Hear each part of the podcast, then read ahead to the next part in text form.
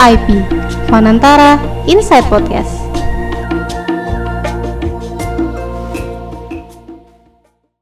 Hi VIPers, how are you today? Feeling blue?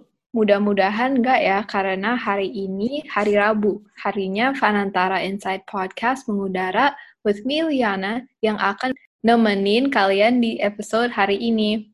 Seperti yang kita baca dan lihat di banyak media ya VIPers, kalau Indonesia memang belum aman dari ancaman virus COVID-19 nih. Mudah-mudahan VIPers yang dengar sekarang lebih bisa bijak dalam bepergian dan pastinya following the procedure ya. Anyway, kemarin tuh aku baru baca sekilas tentang berita kalau Indonesia itu adalah salah satu produsen terbesar batu bara. Nah, ini kayak satu paket nih kalau kita ngomongin batu bara. Karena pasti nggak jauh-jauh dari PLTU batu bara. Jadi ini VIPers, pembangkit listrik tenaga uap batu bara, itu adalah salah satu jenis instalasi pembangkit tenaga listrik di mana tenaga listrik didapat dari mesin turbin yang diputar oleh uap yang dihasilkan melalui pembakaran batu bara. Gimana nih guys? Sampai sini masih paham kan? Kita lanjut ya karena akan banyak banget informasi seru nih VIPers. PLTU batubara disebut-sebut mempunyai banyak dampak negatif. Greenpeace pernah menyebutkan PLTU batubara sebagai kontributor terburuk tunggal yang bertanggung jawab atas hampir setengah atau 46% dari emisi karbon dioksida dunia. Bayangin ya guys, 46%.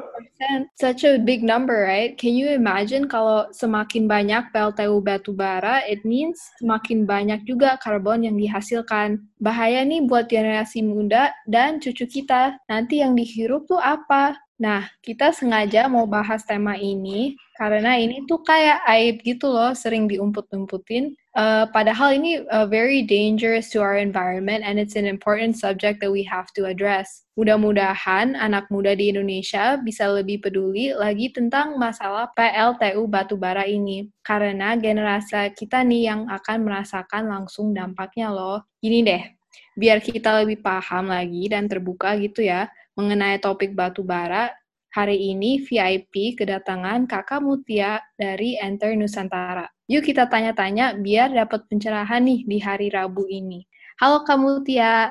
Hai, halo, halo, halo selamat Kak. siang. Siang, apa kabar Kak? Gimana? Baik, baik, baik. Ya. Tetap sehat. Aku lagi ini sih kebetulan lagi masih karantina mandiri juga. Baru balik Kak dari tempat atau? Iya, aku jadi kemarin habis ada kegiatan uh, pelatihan pemasangan solar panel gitu di lapangan. Jadi uh, sekarang harus uh, mengkarantina selama dua minggu karena habis berpergian. Wah, keren Kak. Mungkin kamu Tia bisa cerita sedikit dulu nih Kak tentang Enter Nusantara biar VIPers tahu nih kalau info-info yang di-share di social media Enter Nusantara tuh informatif yet fun ya. Karena aku juga hmm. follow Kak. Oh, I see. Oke. Okay. ya, yeah, uh, aku jelasin dikit ya soal Enter Nusantara. Jadi Enter Nusantara itu sebenarnya sebuah organisasi. Uh, kita emang fokusnya uh, di perubahan iklim dan mm-hmm. fokusnya lebih lagi itu di energi terbarukan. Tapi apa sih yang membedakan Enter Nusantara dengan organisasi-organisasi lain yang bergerak juga di bidang perubahan iklim dan uh, energi terbarukan? Kalau di Enter Nusantara itu kita berfokus pada uh, penguatan anak-anak mudanya. Jadi uh, Enter Nusantara ini dikelola oleh anak-anak muda untuk anak-anak muda dan untuk mengembangkan si anak-anak muda itu sendiri. Jadi kita emang fokusnya bahwa uh, anak-anak muda inilah yang harus berperan di dalam perubahan Oh, menarik juga ya Kak. Langsung ya VIPers di follow at Enter Nusantara ya Kak Instagramnya. Mm -hmm. Ya. Yeah biar pada tambah luas nih pengetahuan kita. Jadi gini nih Kak, kita nih tertarik mengenai isu energi. Okay. Episode hari ini kita akan membahas mengenai batu bara Kak. Karena isu ini tuh jarang jadi obrolan anak muda ya. Untuk membuka VIP hari ini, kamu Tia boleh nggak uh, kasih tahu ke para VIPers apa sih Kak PLTU itu dan kenapa penting banget pada anak-anak muda? Oke, okay. uh, eh, PLTU itu apa sih gitu? Uh, tadi kayaknya hmm. si uh, Liana udah udah agak uh, apa namanya menggambarkan sedikit ya sebenarnya. Iya. uh, PLTU ini adalah salah uh, namanya pembangkit listrik tenaga uap gitu. Pembangkit hmm. listrik uh, tenaga uap ini uh, kok batu bara kak apa hubungannya ya? Uh, karena untuk menghasilkan uap ini kan diperlukan pembakaran kan. Nah, yang dibakar hmm. ini itu batu bara gitu. Nah, uh, terus uh, PLTU batu bara ini seberapa bahayanya sih? Kenapa sih setiap orang kok ngomongin PLTU batubara, PLTU batubara, dan uh, kenapa gitu, kenapa kok ini penting banget buat anak-anak muda. Jadi PLTU batubara ini dia tuh masih menjadi salah satu pembangkit utama di Indonesia. Jadi banyak hmm. banget. Uh, aku iya. nggak aku nggak tahu sih data sekarang itu exactly-nya berapa. Cuman dia mostly kayaknya hampir uh, di atas 50%, bahkan kayaknya di atas 60% di Indonesia itu uh, sumber listriknya itu masih pakai batu bara. Mm -hmm. Nah, batu bara ini dia punya banyak banget dampak buruk ketika dia dibakar, uh, hanya ketika dia dibakar sih, dari mulai dia diekstraksi atau dieksplorasi, dari mulai dia digali untuk didapatkan gitu, sampai akhirnya dia dibakar menjadi listrik yang kita pakai sehari-hari, itu dia punya rantai kerusakan kalau kita bilang, atau rantai dampak buruk yang uh, menyertainya gitu. Liana tahu nggak uh, batu bara itu asalnya dari mana? Dari underground kayak yeah. Yeah. fossils ya yang compressed together yeah. over time. Iya, yeah, betul. Betul sekali. Jadi untuk menghasilkan batu bara itu yeah. tuh butuh jutaan tahun lamanya karena uh, dia itu kan dari fosil ya. Jadi kayak benar-benar kayak makhluk-makhluk hidup yang dari dulu nih jutaan tahun yang lalu dia terpendam di dalam uh, bumi dan dialah yang uh, membentuk si batu bara itu dan uh, untuk bikin uh, batu bara kan berarti butuh jutaan tahun kan dan batu bara hmm. itu jumlahnya terbatas uh, kita suka bilangnya unrenewable karena dia nggak bisa diperbarui atau ya udah kalau jumlahnya udah segitu kita habisin kita nggak bisa memperbarui lagi gitu. Mm-hmm. Jadi jumlahnya tuh terbatas banget dan untuk uh, menghasilkan lagi butuh jutaan tahun lagi. Nah sekarang Liana dan teman-teman ini kepikiran nggak nanti kalau misalkan kita tambang terus nih kita gali terus batu baranya karena untuk memasok listrik yang ada di Indonesia kalau nanti habis kita bakal gimana listriknya pasti bingung kan jadi kayak hmm. itu kan terbatas gitu Gimana hmm. caranya uh, kita dengan keterbatasan itu masih bisa menghasilkan listrik, sedangkan kita tahu dong pasti listrik itu hal yang menjadi paling penting di kehidupan kita. Apalagi hmm. anak-anak muda ya, kita tuh iya, yang utama adalah colokan. Iya. Colokan, iya nggak? Ke mana-mana kita ke kafe apa, mas mas ada colokan nggak yang di dekat sini? Kita pasti iya, selalu duduk di dekat colokan. Atau kalau nggak kita pasti nyari wifi. Nah, dari WiFi itu aja dia butuh listrik. Atau iya. kalau kita mau remember lagi, kita ingat gak sih waktu yang Jakarta, enggak Jakarta aja sih, kayak Jawa blackout iya, yang bener seharian. Itu yang kayak semua orang tuh kayak bener-bener panik. Ini gimana listrik gak nyala dan lain sebagainya gitu. Dan itulah, itu tuh kita tuh penting banget. Listrik itu adalah salah satu hal yang paling penting dalam hidup kita. Nah, uh, kita bayangin aja uh, kalau ternyata listrik yang kita pakai nih, uh, yang kita buat colok handphone, buat uh, nyolok laptop dan lain sebagainya, itu ternyata uh, menghasilkan kerusakan-kerusakan yang membahayakan masa depan kita. Dari PLTU batubara sendiri itu gak cuman kerusakan lingkungan. Kalau kerusakan lingkungan kita pasti yang kayak ya udah lah ya kan kerusakan lingkungan doang. Orang-orang kan suka bilang kayak gitu tuh. Tapi iya. ternyata itu tuh juga berpengaruh terhadap kesehatan kita loh. Karena PLTU batubara itu dia menghasilkan uh, polusi udara yang dia nggak cuma misalkan gini nih, PLTU batubara di Banten. Terus hmm. kita di Jakarta nih, kita nggak kena, oh jangan salah karena PLTU batubara itu punya punya unsur yang unik pembuangannya. Dia namanya PM2,5. PM2,5 itu ringan banget. Itu debu yang nggak kelihatan itu aja PM10 yang biasanya dihasilkan dari asap kendaraan umum di jalan itu. Bayangin ini PM2,5 itu kecil dan ringan banget.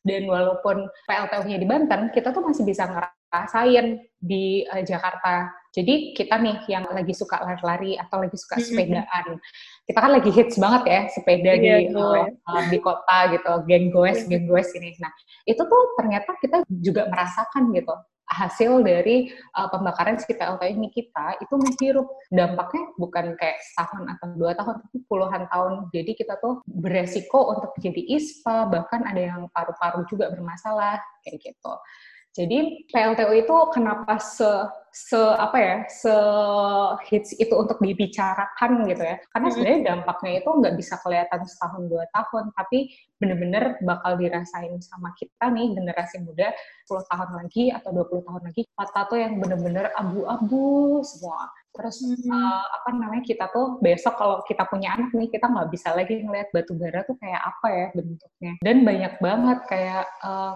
apa namanya kerusakan-kerusakan lain yang turut menyertai si PLTU batu bara ini. Dari mulai polusi air, polusi udara sampai ke kesehatan masyarakat yang di sekitar uh, PLTU juga. Apalagi kalau kita ngelihat kasus-kasus anak mati di lubang tambang jadi mereka itu tenggelam, kayak yang tadi aku bilang. Diana kan tahu kan, itu tuh underground gitu. Dan, yeah, dan itu tuh bener. kita tuh kayak harus ngegali ratusan meter, bayangin ratusan meter. Dan anak-anak itu bisa letaknya ya, lubang tambang itu, lubang yang bekas tambang itu di belakang sekolah gitu. Jadi anak-anak itu bisa main, terus mereka nggak sengaja jatuh di lubang tambang karena mereka nggak bisa berenang dan mereka udah meninggal di lubang tambang itu. Jadi miris banget gak sih? Di bekas lubang tambang itu udah sekitar 30-an lebih anak yang meninggal itu cuma di Kalimantan aja. Wah. Bisa bayangin nggak? Berarti segitu iya. parahnya gitu. Emang nggak ada uh, regulasi ya kak yang control situasi ya. seperti itu? Sebenarnya regulasi itu ada ya, pastilah kita punya regulasi. Bahkan setiap uh, perusahaan tambang itu sebenarnya dia mewajibkan perusahaan tambang untuk menutup kembali atau mereklamasi tapi kita tuh nggak punya aturan yang ketat ngerti nggak sih kayak iya. nggak yeah. ada sanksi ketika mereka nggak ngerakuin reklamasi gitu. jadi mereka tuh juga abai gitu karena mereka merasa bahwa ya udah itu bukan kewajiban perusahaan gitu wah bisa ya sampai gitu kak Iya, um, iya. Uh, kayaknya kalau tentang isu energi, uh, as long as uh, dampaknya nggak terlalu visible ya, karena en uh, energi atau listrik sendiri itu nggak kelihatan ya sama kita, cuman yeah. taunya nyala, ya udah yeah. nyala ya. Yeah. Yeah. Jadi yeah. lebih yeah. gampang diabaikan sama orang. Betul, betul, betul, sepakat, sepakat di uh, di isu lingkungan sendiri, isu energi itu adalah isu yang paling susah jadi aku sebenarnya agak uh, memaklumi sih kenapa anak-anak muda itu nggak tertarik dengan isu energi, isu PLTU batubara lah, isu energi terbarukan lah, isu listrik lah, karena kita ini nggak relate gitu loh. Maksudnya kayak kita relate sama listriknya, tapi we don't care kayak dari mana sebenarnya iya, listrik bener. itu berasal. As long as kayak listrik itu nyala ya udah kita nggak keberatan. Kita tapi kita nggak nggak kepikiran bahwa apa sih sebenarnya yang terjadi ketika listrik itu nyala gitu. Apalagi kita yang belum bayar listrik nih. Tapi kalau aku rasa kalau anak-anak muda nih yang udah mulai kayak ngekos atau kayak tinggal sendiri di Jakarta di mana mereka harus ngisi token listrik gitu, mereka mulai sebenarnya mulai agak kepapar isu ini juga sih atau udah mulai kenapa ya kok listrik itu makin hari makin mahal gitu. Padahal hmm. harusnya uh, di negara-negara lain bahkan ada yang listrik itu gratis atau listrik itu disubsidi gitu atau bahkan kita bisa menjual listrik kita sendiri kalau kita uh, bisa surplus menghasilkan listrik dari solar panel misalkan itu bahkan kita bisa menjual gitu listrik yang kita hasilkan kepada tetangga kepada hmm. negara kita gitu nah iya. um, ya itu sih aku sih mem memaklumi itu karena memang ya itu tadi energi itu dibikin isu yang eksklusif banget kesannya kayak orang-orang yang cuma pinter, orang-orang yang berdasi, orang-orang yang tinggalnya kayak di perkantoran atau high class high class aja yang ngomongin soal energi gitu. Tapi kayak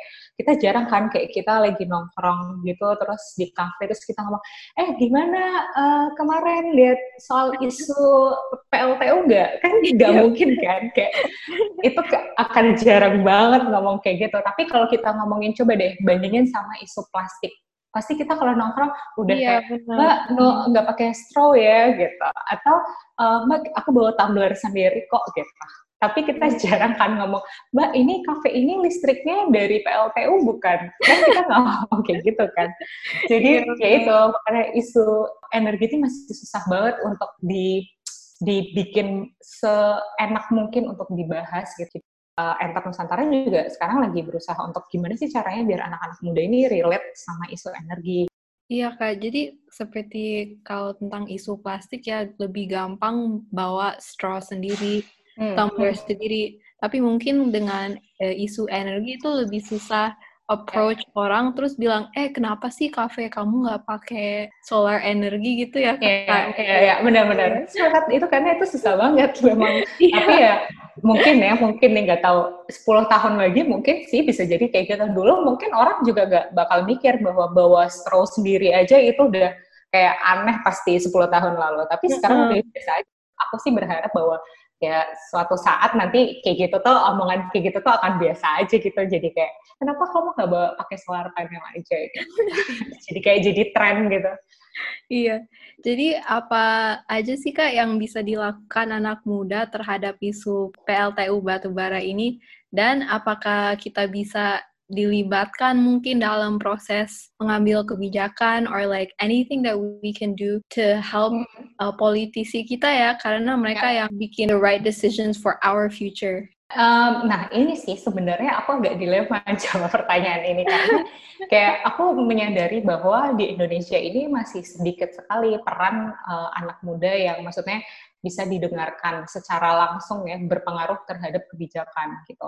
Hmm. Uh, mungkin di luar sana kita kayak kenal Greta dan kenal uh, eh, AOC hmm. misalkan anak-anak yeah. muda perempuan yang kuat yang bisa mempengaruhi politik. Tapi di Indonesia itu tuh memang agak susah kita untuk kayak langsung uh, directly gitu ya untuk mempengaruhi uh, keputusan atau pengambilan kebijakan. Tapi satu hal adalah bahwa kita juga bisa me, uh, mempengaruhi indirectly. Maksudnya apa tuh? Hmm. Kayak secara nggak langsung gitu ya uh, mempengaruhinya, yeah. yaitu dengan pertama kita bisa membuat tren.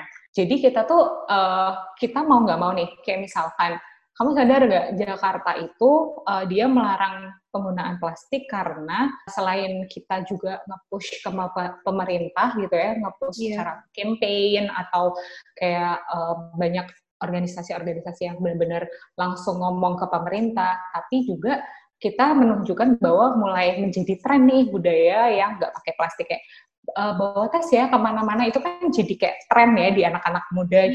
Nah, Uh, itu yang sebenarnya lagi kita ciptain gitu. Pertama adalah uh, kita anak-anak muda ini bisa menciptakan tren bahwa kita tuh peduli dengan isu ini gitu. Mm-hmm. Itu bisa jadi akhirnya si pemerintah mau nggak mau ketika ketika udah tren masa dia nggak mau bikin peraturannya kan otomatis akhirnya udah deh kita bikin peraturannya gitu. Jadi uh, itu bisa menciptakan uh, pengaruh yang tidak langsung sih emang gitu. Terus yang kedua sebenarnya adalah uh, apa yang bisa kita lakukan sehari-hari sebagai anak muda, yaitu efisien energi. Hmm. Efisiensi energi itu adalah uh, kita mulai peduli nih, misalkan kayak uh, mungkin ya kalau yang teman-teman masih di rumah orang tua gitu, mulai kayak eh lampunya mati terus bisa kalau bilang oh belinya yang LED aja atau kalau yang TV belinya TV yang hemat listrik gitu. Jadi hmm. beli peralatan itu memang yang dia uh, hemat dengan listriknya. Karena jujur aja di Indonesia ini banyak banget penggunaannya tuh masih boros listrik selain boros uh, perilakunya. Kayak siang tapi masih nyalain uh, lampu gitu. Juga karena penggunaan elektronik yang dia punya itu ternyata dia boros listrik kayak cas-casan gitu, charger. Uh -uh. Itu banyak banget loh charger yang sebenarnya dia justru boros listrik. Biasanya yang murah-murah tuh, dia biasanya murah banget karena memang dia makan daya listriknya tuh lebih banyak. Tapi sebenarnya ada kabel charger dia yang efisien, dia bisa fast charging tapi juga nggak boros listrik itu juga ada gitu. Nah mulai mungkin aware terhadap hal-hal semacam itu. Dan yang ketiga yang aku tadi bilang yaitu perilaku perilaku kita mempengaruhi banget ke kebijakan dan uh, mempengaruhi banget apa yang akan terjadi di dunia ini. Kenapa? Karena jumlah populasi anak muda di Indonesia itu lebih banyak saat ini ketimbang usia tua. Makanya kita tuh suka dibilang bahwa ini tuh saatnya anak-anak muda yang berperan gitu. Karena anak-anak mudanya lagi banyak nih jumlahnya. Nah, yeah. kamu bayangin aja kalau misalkan anak-anak muda ini kita udah sadar terhadap pola uh, apa namanya perilaku ya, pola perilaku sadar uh, hemat energi. Kita matiin listrik uh, ketika siang hari nggak kepake, kita cabut sesimpel cabut colokan ketika nggak dipakai. Kita kan suka apa charger itu masih yeah. nyolok gitu ya, masih nyolok di biarin gitu ya. Iya, dibiarin. Nah, kayak gitu-gitu tuh yang sebenarnya bikin permintaan listrik tuh semakin tahun semakin naik. Kayak ah sepele cuman satu casan nggak akan ngaruh. Itu sama aja kayak kita ngomongin ah sepele cuman satu sedotan aja. Tapi kan sebenarnya itu berpengaruh besar kan kata karena berapa ribu casan coba. Satu rumah aja aku pasti jamin deh. Satu rumah Heliana berapa colokan itu listrik uh, apa namanya charger. Itu pasti banyak banget kan. Karena Iya, ada handphone, kadang handphone lebih dari satu, ada laptop juga, ya kan, ada mm-hmm. uh, yang lain-lain juga. Jadi kayak itu tuh sebenarnya pola perilaku hemat energi itu juga nantinya akan mempengaruhi permintaan kita terhadap listrik gitu. Kalau misalkan kita permintaannya menurun, jadi pemerintah mau nggak mau dong harus menurunkan. Oh ya udah emang cukup kok. Tapi kalau misalkan kita nih uh, boros boros perilakunya, maka uh, pemerintah itu bisa bilang kalau ya kan ini warga saya ini permintaan listriknya banyak loh gitu. Jadi hmm. saya perlu bangun PLTU yang lebih banyak karena warga saya ini pada boros-boros listrik semua gitu. Jadi mereka punya punya apa ya? Punya dasar asumsi ketika mereka hmm. mau mau bikin PLTU baru gitu. Itu sih uh, tiga hal Terus yang keempat, kalau aku selalu percaya bahwa anak-anak muda ini kita punya privilege untuk mendapatkan akses informasi terlebih dahulu dan menyebarkan informasi. Dan kita tahu mana yang informasi yang hoax atau enggak gitu. Kita iya, punya privilege itu. Kita nggak kayak orang-orang, aku bukannya mau meinikan orang-orang tua ya, cuman orang-orang tua itu kan sering kalinya lebih mendapatkan lewat WhatsApp grup gitu ya. Kayak terus ternyata hoax gitu dan banyak banget hoax yang berseliweran di WhatsApp grup gitu. Nah kita yeah. nih sebagai anak-anak muda punya privilege nih untuk mendapatkan uh, informasi yang lebih cepat dan akurat gitu. Nah uh, kita sebagai anak muda yang punya privilege itu akan lebih baik kita menggunakan informasi itu untuk menyebarkan uh, isu-isu uh, yang uh, ingin kita bikin tren karena kita tuh jago banget bikin tren tweet aja bisa tweet Twitter itu kayak bisa bikin kita bisa bikin tren gitu kayak karena sekarang itu pemerintah itu lebih lebih suka mendengarkan sesuatu yang tren. Kita bisa memanfaatkan itu dengan menjadikan energi itu sebagai sesuatu yang tren, energi terbarukan itu sebagai sesuatu yang tren. Ini loh sebenarnya anak-anak muda kita tuh pengennya energi terbarukan, energi yang ramah lingkungan gitu, bukan yang bukan yang PLTU batubara, PLTU batubara tuh so school banget gitu. Nah kita cek akanlah tren itu di sosial media itu secara nggak langsung sebenarnya itu sebagai bagian dari kita nge-push pemerintah untuk ayo dong kita uh, cepet-cepet uh, beralih dari energi yang kotor, yang PLT batubara yang bikin kerusakan di mana-mana dan punya dampak yang buruk di mana-mana, ganti dengan renewable energy gitu. Mm-hmm. Jadi kak tadi kan uh, bicara tentang tren ya, membuat mm. isu energi uh, sebagai tren. Tapi hmm. apakah ada cara-cara lain yang bisa meningkatkan kepedulian anak muda terhadap isu ini ya? Uh, seperti mungkin ada tren atau mungkin kita harus matiin listrik seharian biar mereka kayak shock terus peduli yeah. atau gimana? Iya sih benar-benar. Sebenarnya uh, itu tadi ya karena uh, isu PLTU batubara ini masih nggak relate sama kehidupan Eh, anak-anak uh, di perkotaan yang sebenarnya yeah. dia bisa bikin tren. Karena kan kita harus mengaku ya, yang biasa bikin tren itu biasanya anak-anak yang ada di kota gitu, bukan di iya, daerah. Yeah. Jarang banget anak-anak di daerah itu bisa mempunyai privilege untuk uh, itu. Kadang mereka juga malah justru kesusahan dengan akses internet dan lain sebagainya justru gitu. Nah, sedangkan yang bisa bikin tren ini susah untuk kita ajak relate soal isu energi. Hmm. Kita ini di Enter juga masih eksplorasi sih, maksudnya masih cari tahu gimana sih sebenarnya anak muda ini biar mereka relate. Uh, pertama, aku sih lebih sering uh, ngasih video-video singkat gitu, ngerti nggak sih kayak um, apalagi kayak kemarin nonton Sexy Killer kayak oh ya nonton gak sih itu kayak video-video gitu kayak menggambarkan apa yang terjadi di uh, di daerah gitu di sekitar lubang tambang tempat si batu baranya itu diambil gitu. Mm-hmm. Kayak aku tadi cerita soal anak uh, mati di lubang tambang karena aku percaya ya anak-anak muda ini lebih kalau diomongin ya dari lingkungan atau sosial mereka akan lebih care terhadap social things gitu.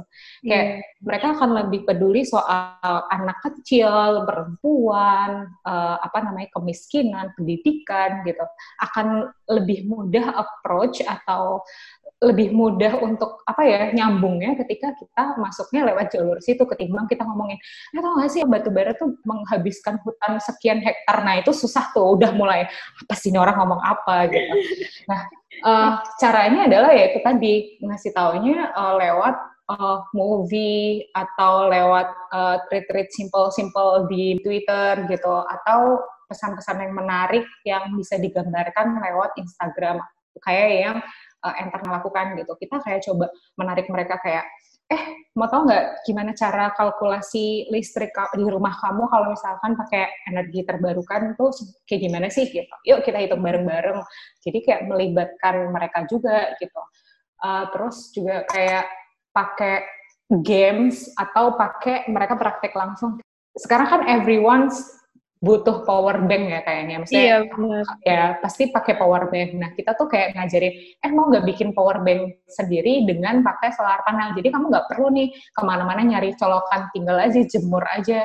Uh, misalkan di dalam mobil ya udah taruh aja kayak di dashboard mobil gitu kan dia langsung kena sinar matahari kan taruh iya. aja di situ toh ntar dia uh, power banknya juga keisi lagi gitu jadi kayak kita ngajarin mereka bikin cara bikin uh, solar power bank atau bikin juga Eh, peralatan-peralatan uh, lain yang berguna di kehidupan sehari-hari anak-anak muda ini dengan solar power bank. Jadi kayak uh, mereka sadar nih, oh ternyata ada loh uh, is uh, apa ada loh energi pilihan yang bisa kita pilih gitu selain dengan energi uh, ketergantungan kita terhadap PLTU batubara gitu.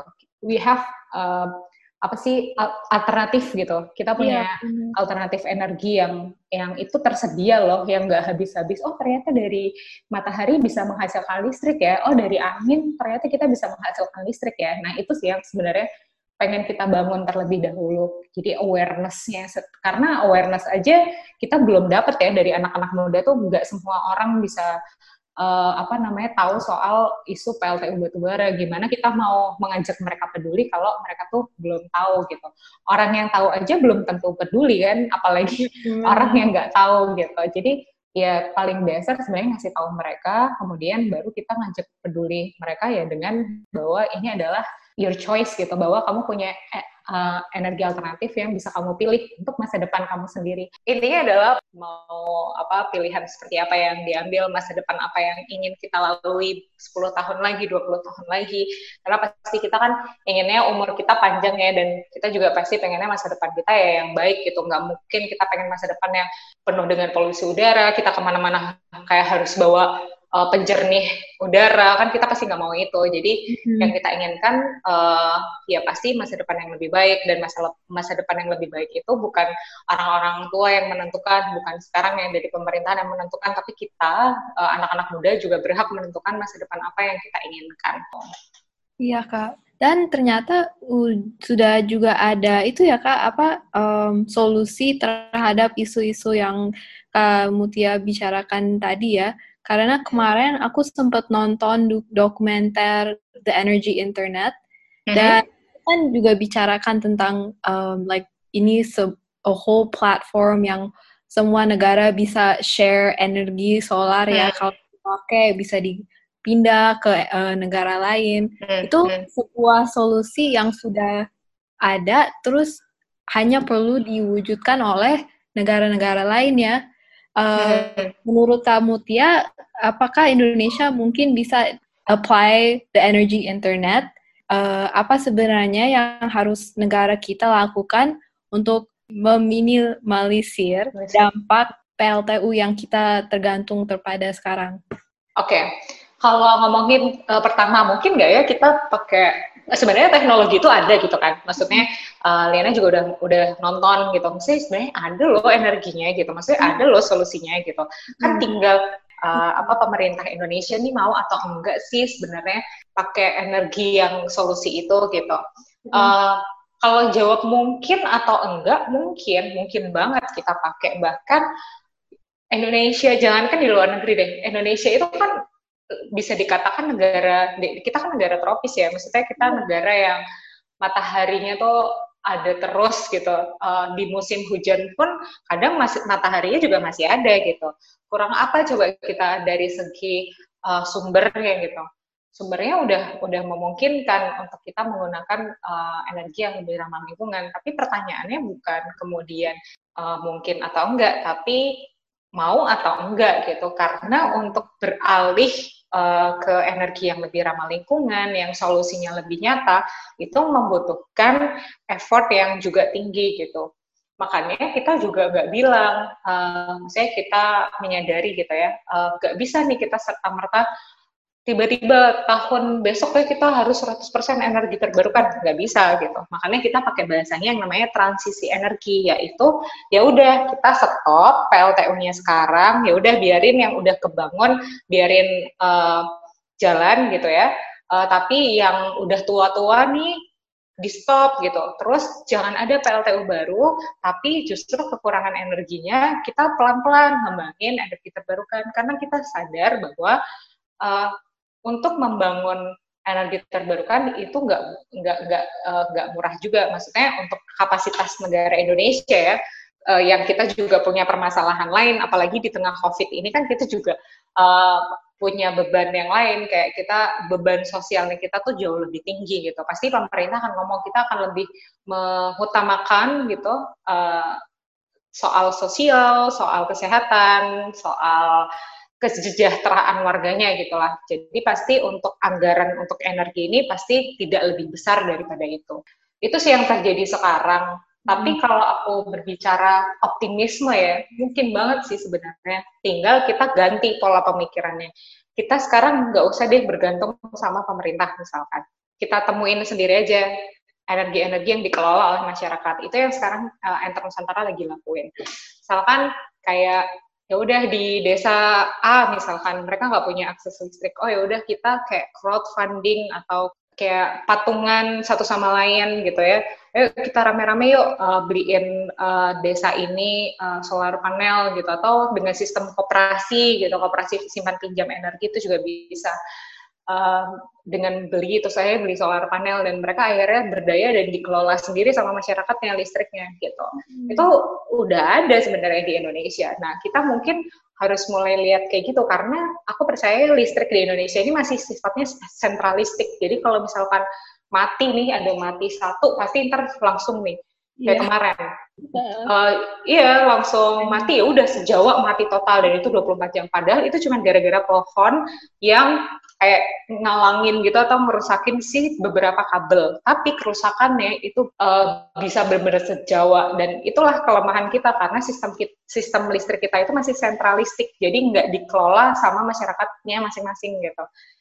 Nah, uh, selain uh, selain teknologinya yang ada dan memungkinkan untuk dilakukan yang diperlu dan pemerintahannya juga uh, mau atau enggak. Kemudian yang terakhir adalah diperlukan masyarakatnya teredukasi atau enggak. Hmm. Karena uh, kita juga perlu dong, maksudnya masyarakatnya juga tahu oh bahwa kita tuh bisa loh sebenarnya pasang solar panel misalkan. Kita loh bisa pakai solusi-solusi tersebut. Nah, itu kan belum teredukasi di masyarakat dan itu diperlukan ketika kita ingin beralih, ketika kita ingin punya solusinya, jangan kita pendam sendiri, tapi kita juga harus sharing ke teman-teman, ke tetangga gitu. Kayak misalkan aku percaya kok kalau ada misalnya ya dalam satu perumahan ada satu rumah tuh pakai solar panel, pasti tetangganya nanya, Pak itu harganya berapa Pak? Masa-masanya gitu Pak gitu. Pasti akan nanya-nanya gitu, kepo gitu. Uh, jadi sebenarnya itu loh membuat ke keingin tahuan, keingin tahuannya si warga ini untuk bisa juga mereka beralih juga gitu. Jadi kita nggak cuma terima jadi yang penting listrik nyala, tapi mereka juga akhirnya terlibat secara langsung dalam proses transisi energi menuju energi terbarukan itu. Jadi uh, seperti Kak Mutia tadi bilang ya, uh, sekarang listrik atau energi itu sentralisasi uh, hmm. ke batu bara ya. Bahkan 43,7 persen dari keseluruhan daya Indonesia itu dari pembangkit listrik tenaga batu bara ya. Yeah. Um, dan juga tadi Kak uh, Mutia mention uh, mungkin pembangunan solar panel di Indonesia lagi mahal karena semua uh, resourcesnya itu dipakai untuk malah membangun lebih banyak PLTU. Actually, according to Paddy Padmanathon ya, the biggest hmm. renewable energy developer, solar energy seharusnya bisa murah, lebih murah bahkan daripada batu bara. Mm -mm. Hmm. Menurut kamu Tia, apakah kita di Indonesia masih jauh dari harapan untuk bisa tidak tergantung terhadap PLTU batubara nih? Karena as we see the whole situation sekarang, kita masih tergantung banget sama batu bara. Kalau keter, mas, um, sejauh apa ya, maksudnya ketergantungan Indonesia itu masih banget karena uh, kayak kayak tadi sebenarnya energi itu murah, tapi uh, karena kita uh, di Indonesia ini masih menganggap batu bara itu murah. Kenapa? Hmm. Karena kalau yang si uh, di Thompson itu tadi bilang, hmm. karena dia mengkalkulasikan kerusakan itu sebagai uh, yes, apa namanya nilai uh, uh, nilai ekonomi juga. Jadi misalkan nih berapa sih kerugian ketika dia uh, menutup lubang tambang lagi gitu. Itu kan juga bernilai ekonomi kan. Nah kalau di Indonesia kita tuh nggak menjadikan kerusakan atau akibat-akibat buruk akibat batubara ini sebagai uh, nilai ekonomi. Jadi hmm. menurut mereka ya udah mereka tuh menghitungnya batu bara aja gitu. Makanya batu bara itu dinilai kalau di Indonesia lebih murah daripada si solar panel karena ya itu tadi nilai kerusakan lingkungannya itu kerusakan yang diakibatkan itu tidak dihitung sebagai nilai ekonomi gitu. Hmm. Jadi mereka kalkulasinya beda si um, apa namanya PD Thompson dan si uh, pemerintah Indonesia karena itu nggak sa sampai sejauh ini di Indonesia belum dihitung. Jadi mereka akan masih terus menganggap bahwa uh, PLTU batubara ini adalah solusi yang paling murah untuk me, untuk mem, membuat uh, listrik gitu sampai sejauh ini. Jadi masih jauh nggak ya harapannya ketergantungannya itu kalau menurut aku dengan aku melihat realitas sekarang ya yeah. melihat realitas sekarang masih sangat jauh sih walaupun ya ada sedikit harapan gitu ya ketika kita melihat masyarakat yang mulai sadar tapi melihat pemerintahnya uh, yang sampai sekarang masih uh, mensubsidi uh, bahkan mensubsidi dan kayak kemarin uh, RU uh, bahkan UU Minerba itu di disahkan kembali di mana perusahaan-perusahaan tambang bisa me, apa menggali lebih banyak dan lebih lama uh, batu baranya aku iya. sih masih masih apa ya bukannya pesimis ya tapi kayaknya sih bakal masih lama ketergantungannya terhadap batu bara. Iya kak, jadi uh, tadi Kak Mutia juga bilang kan kerusakan lingkungan itu tidak dianggap nilai ekonomis dan ya. juga jangan lupa ada dampak kesehatan ya kak ya, karena ya, betul. ada um, perhitungan biaya ekonomi dari dampak kesehatan di Jabodetabek sendiri itu 5,1 triliun ya VIP ya. per tahun berdasarkan biaya perawatan kesehatan terhadap penyakit yang timbul dari penyakit yang disebabkan oleh pencemaran udara juga ya kak. Ya gitu. betul. Jadi yeah. actually it costs us a lot to um, deal with the consequences of using udara gitu ya kak. Jadi kamu Tia, um, kalau kamu Tia sendiri nih apa nih kak harapan kakak untuk masa depan Indonesia, terutama sektor energi? Uh, aku harapannya kalau dari sektor energi untuk Indonesia ya nih, Indonesia secara keseluruhan atau spesifik nih kepada pemerintah, anak muda atau gimana nih? Uh, keseluruhan dulu kak ini. Oke, okay. um, keseluruhannya aku sih berharap apa ya? Um, berharap pastinya ada ada perubahan yang baik ya di Indonesia bahwa uh, sekarang tuh sebenarnya kita udah sadar beberapa orang walaupun walaupun masih banyak yang belum sadar dan belum tahu ya bahkan yang tahu aja masih belum tentu peduli gitu ya. Mm-hmm. um, tapi aku positif uh, selalu berpositif ria bahwa kita tuh akan menuju kepada kebaikan gitu.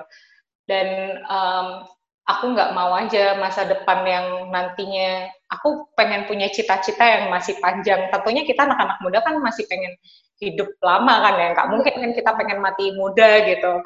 Uh, uh, nah aku ingin ya hidupku yang tua nanti itu berkualitas gitu. Dan hidup yang berkualitas itu aku inginkan adalah ketika energi yang kita pilih juga energi yang sudah ramah lingkungan. Jadi aku inginnya Indonesia ya segeralah beralih, bertransisi ke energi terbarukan. Tidak hanya sumbernya yang terbarukan, tapi cara-caranya juga bersih gitu. Mm-hmm. Cara-caranya juga bersih, tidak ada lagi uh, korupsi di bidang energi, karena korupsi di bidang energi itu uh, lumayan cukup menyita banyak uh, kerugian gitu ya kayak kasus PLTU Riau yang uh, akhirnya itu terus ada kasus suap juga PLTU Cirebon gitu jadi uh, tidak hanya sumbernya nanti cuma diganti aja sumbernya sumbernya terbarukan pakai PL, PLTS misalkan uh, pakai apa tenaga surya tapi ternyata cara-caranya juga masih cara-cara old school gitu. Nah aku nggak mau kayak gitu, tapi juga nggak cuman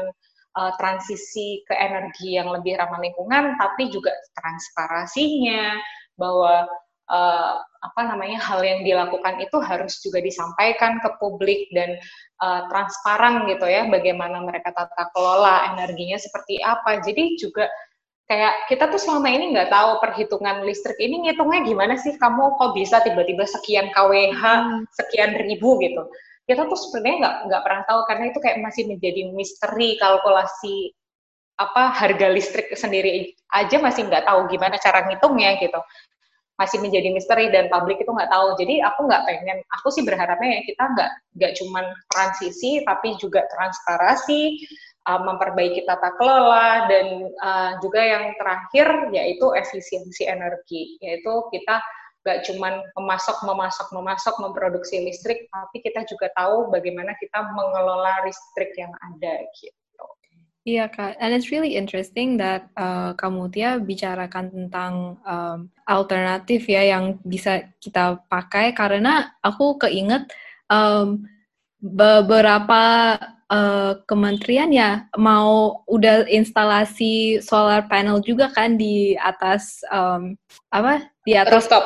Hmm, jadi actually mereka bisa memakai itu sebagai example kepada yeah. publik bahwa solar panel energy juga bisa dipakai and it's mungkin ekonomis tapi juga kita nggak dapat reportnya yang um, membilang um, seberapa efektif solar energy is for the office itself kan. Yeah. Karena itu yeah. bisa dipakai sebagai example untuk publik juga gitu ya. Betul, betul, betul. Nah, yang selama ini itu kan kayak gitu. Jadi kita tuh sebenarnya hmm. cuma tahu masangnya, cuma tahu ini, tapi kita tuh nggak tahu sebenarnya berdampaknya seperti apa sih. Jadi ya. kayak ya masih masih bener-bener kita tuh masih jauh banget. Makanya aku tadi bilang di awal isu energi, isu listrik ini masih eksklusif sekali kayak hmm. masih jarang sekali orang yang akan ngobrol soal itu, cari tahu soal itu karena memang juga informasinya juga uh, terkadang ada cuman terbatas gitu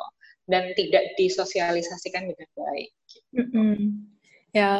so it seems like the issue of energy itu uh, subjek yang lumayan intens ya untuk dibicarakan, especially in our country. But unfortunately kita udah sampai di pertanyaan terakhir nih kak. Oke. Okay. okay. Um, kak boleh share ke kita apa sih kalau dari hati yang paling dalam nih perubahan yang paling kamu tiap harapkan dari pemerintah dan pesan-pesan kamu Tia terhadap generasi muda. Gimana Kak? Silakan. Perubahan ini di sektor energi ya? Itu berat banget ya pertanyaannya perubahan apa yang ingin kita... Uh, ini di sektor energi atau secara keseluruhan pemerintah aja nih? Uh, di sektor energi boleh Kak. Oke. Okay. Kalau di sektor energi yang tadi bilang ya, um, aku sih inginnya pemerintah ini mulai terbuka, mulai transparasi, mulai beralih ke sesuatu yang bersih, dan mm-hmm. mulai mementingkan warga negaranya, bukan lagi mementingkan uh, kepentingannya sendiri, atau bukan lagi mementingkan pihak-pihak yang um, kayak pengusaha atau lain sebagainya karena uh, balik lagi kita adalah negara demokrasi, negara yang uh, apa menjunjung tinggi kalau kita ingat Pancasila itu kan kayaknya um, apa-apa rakyat ya. Jadi ayo kita kembali lagi sebenarnya harapan aku adalah ya pemerintah kembali lagi coba sih cari tahu sebenarnya yang rakyat pengen tuh apa gitu. Jangan cuman uh, berasumsi gitu ya, karena selama ini kita tidak, aku sih merasa bahwa rakyat tidak banyak dilibatkan dalam pengambilan keputusan. Yeah. Buat uh, terutama anak-anak muda, aku sedih aja sih kayak uh, berapa sih jumlah anak muda yang menjabat di uh, pemerintah kita gitu. Kalaupun menjabat, apakah suara mereka didengar atau tidak gitu itu kan sedih ya, maksudnya keputusan yang mereka ambil itu kan sebenarnya berdampak pada 10 tahun, 20 tahun mendatang gitu. Itu kan uh, masa depan kita gitu. Bisa jadi kayak 30 tahun atau 40 tahun mendatang mereka udah nggak ada gitu ya, udah uh, they gone gitu. Tapi kita kan yang masih ada dan kita yang sedang meneruskan masa depan kita gitu. Tapi sayangnya ketika keputusan yang mengorbankan uh, masa depan kita, kita ini anak-anak muda tidak diajak terlibat, tidak ditanya gitu. Jadi mereka seolah-olah berhak menentukan masa depan yang kita huni nanti itu kan nggak ada lah, that's not fair gitu untuk anak-anak muda gitu. Uh, jadi aku sih inginnya pemerintah ini lebih lebih apa ya punya ruang untuk mendengarkan anak muda gitu. Jangan jangan jangan dipikir bahwa anak muda ini tidak profesional, kita tidak tidak tahu atau punya pengetahuan yang lebih sedikit karena yang membedakan kita sama mereka hanya mereka mereka lahir terlebih dahulu aja hmm. ketimbang kita. Tapi belum tentu bahwa mereka uh, punya uh, apa sih pendidikan atau pengetahuan yang lebih baik. Karena mungkin pengalaman mereka boleh boleh jadi karena mereka hidup lebih lama. Tapi jangan sampai meremehkan uh, anak-anak muda gitu. Jadi cari apa ya kalau aku sih berharapnya ya uh, orang-orang yang di pemerintahan itu punya ruang lah. Mulai punya ruang untuk anak-anak muda ini untuk berbicara untuk mendengarkan anak-anak muda kan udah mulai mereka ikut nih trennya anak-anak muda kayak hmm. ada beberapa yang main TikTok ya kan?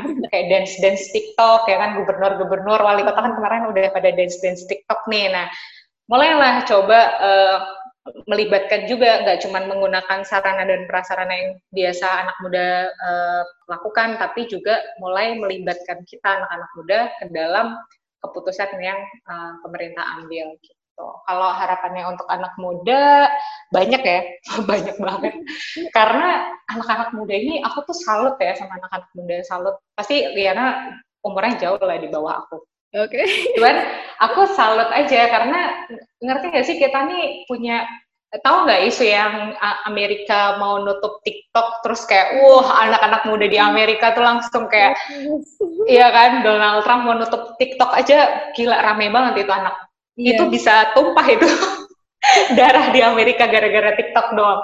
Nah, aku tuh percaya ya, maksudnya anak-anak anak-anak muda ini punya kekuatan yang luar biasa gitu. Jadi hmm. kita harusnya memanfaatkan itu untuk lebih lebih daripada yang kita lakukan sekarang untuk kebaikan dan masa depan kita sendiri. Kita tuh harus mulai bergerak gitu. Kita tuh jangan jangan uh, rendah diri ya, maksudnya rendah diri kayak aduh kita kan masih muda, kenapa sih? Justru itu kita adalah anak-anak muda, kita yang punya suara lebih uh, kencang, kita punya uh, sosial media itu dikuasain oleh anak-anak muda gitu. Iya benar. Um, jadi aku bisa bilang uh, Indonesia itu kalau anak mudanya udah bersatu, anak mudanya udah marah, habislah Indonesia. Itu seriusan.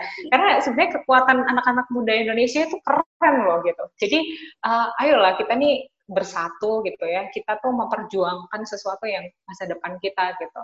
Seandainya ya kita punya musuh bersama gitu kayak kayak kita ngebully orang siapa gitu di di sosial media kan the power of social media itu keren ya gitu. Dan yeah. aku sih pengennya itu dijadikan hal yang ke kebaikan gitu bukan yang uh, sebatas hanya kayak sekarang aja, tapi bagaimana ya kita anak-anak muda ini dengan cara kita sendiri membawa perubahan yang lebih baik, menjadikan itu uh, lebih nyata dan uh, kita memperjuangkan masa depan yang kita inginkan itu seperti apa mm-hmm. di tangan kita sendiri.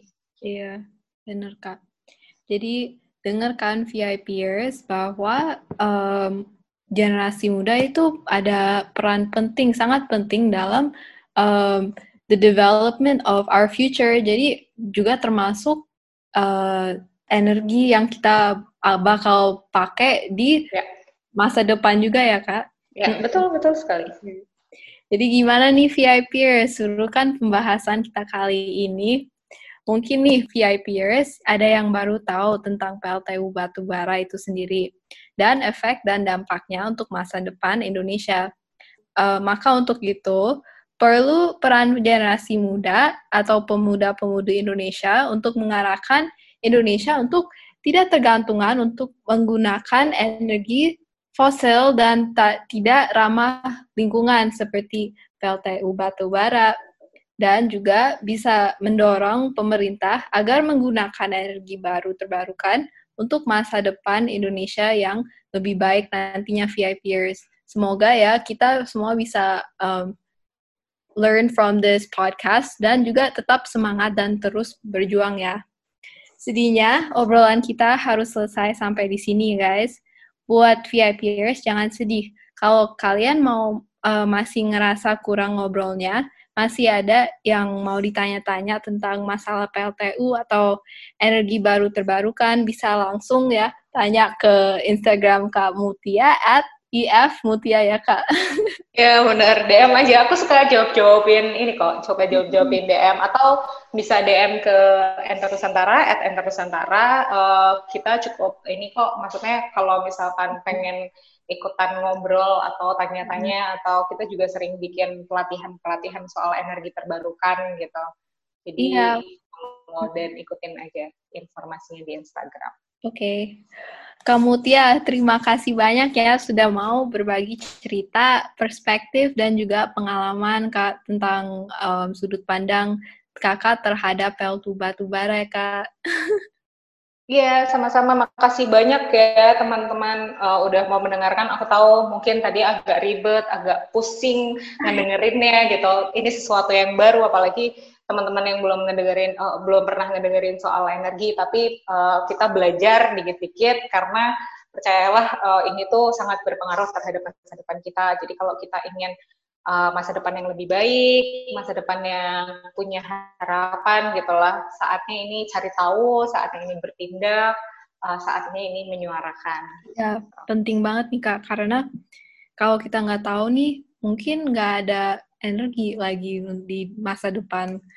Nah, buat VIPers, jangan lupa ya, Fanantara Inside Podcast bakal hadir di, di setiap hari Rabu.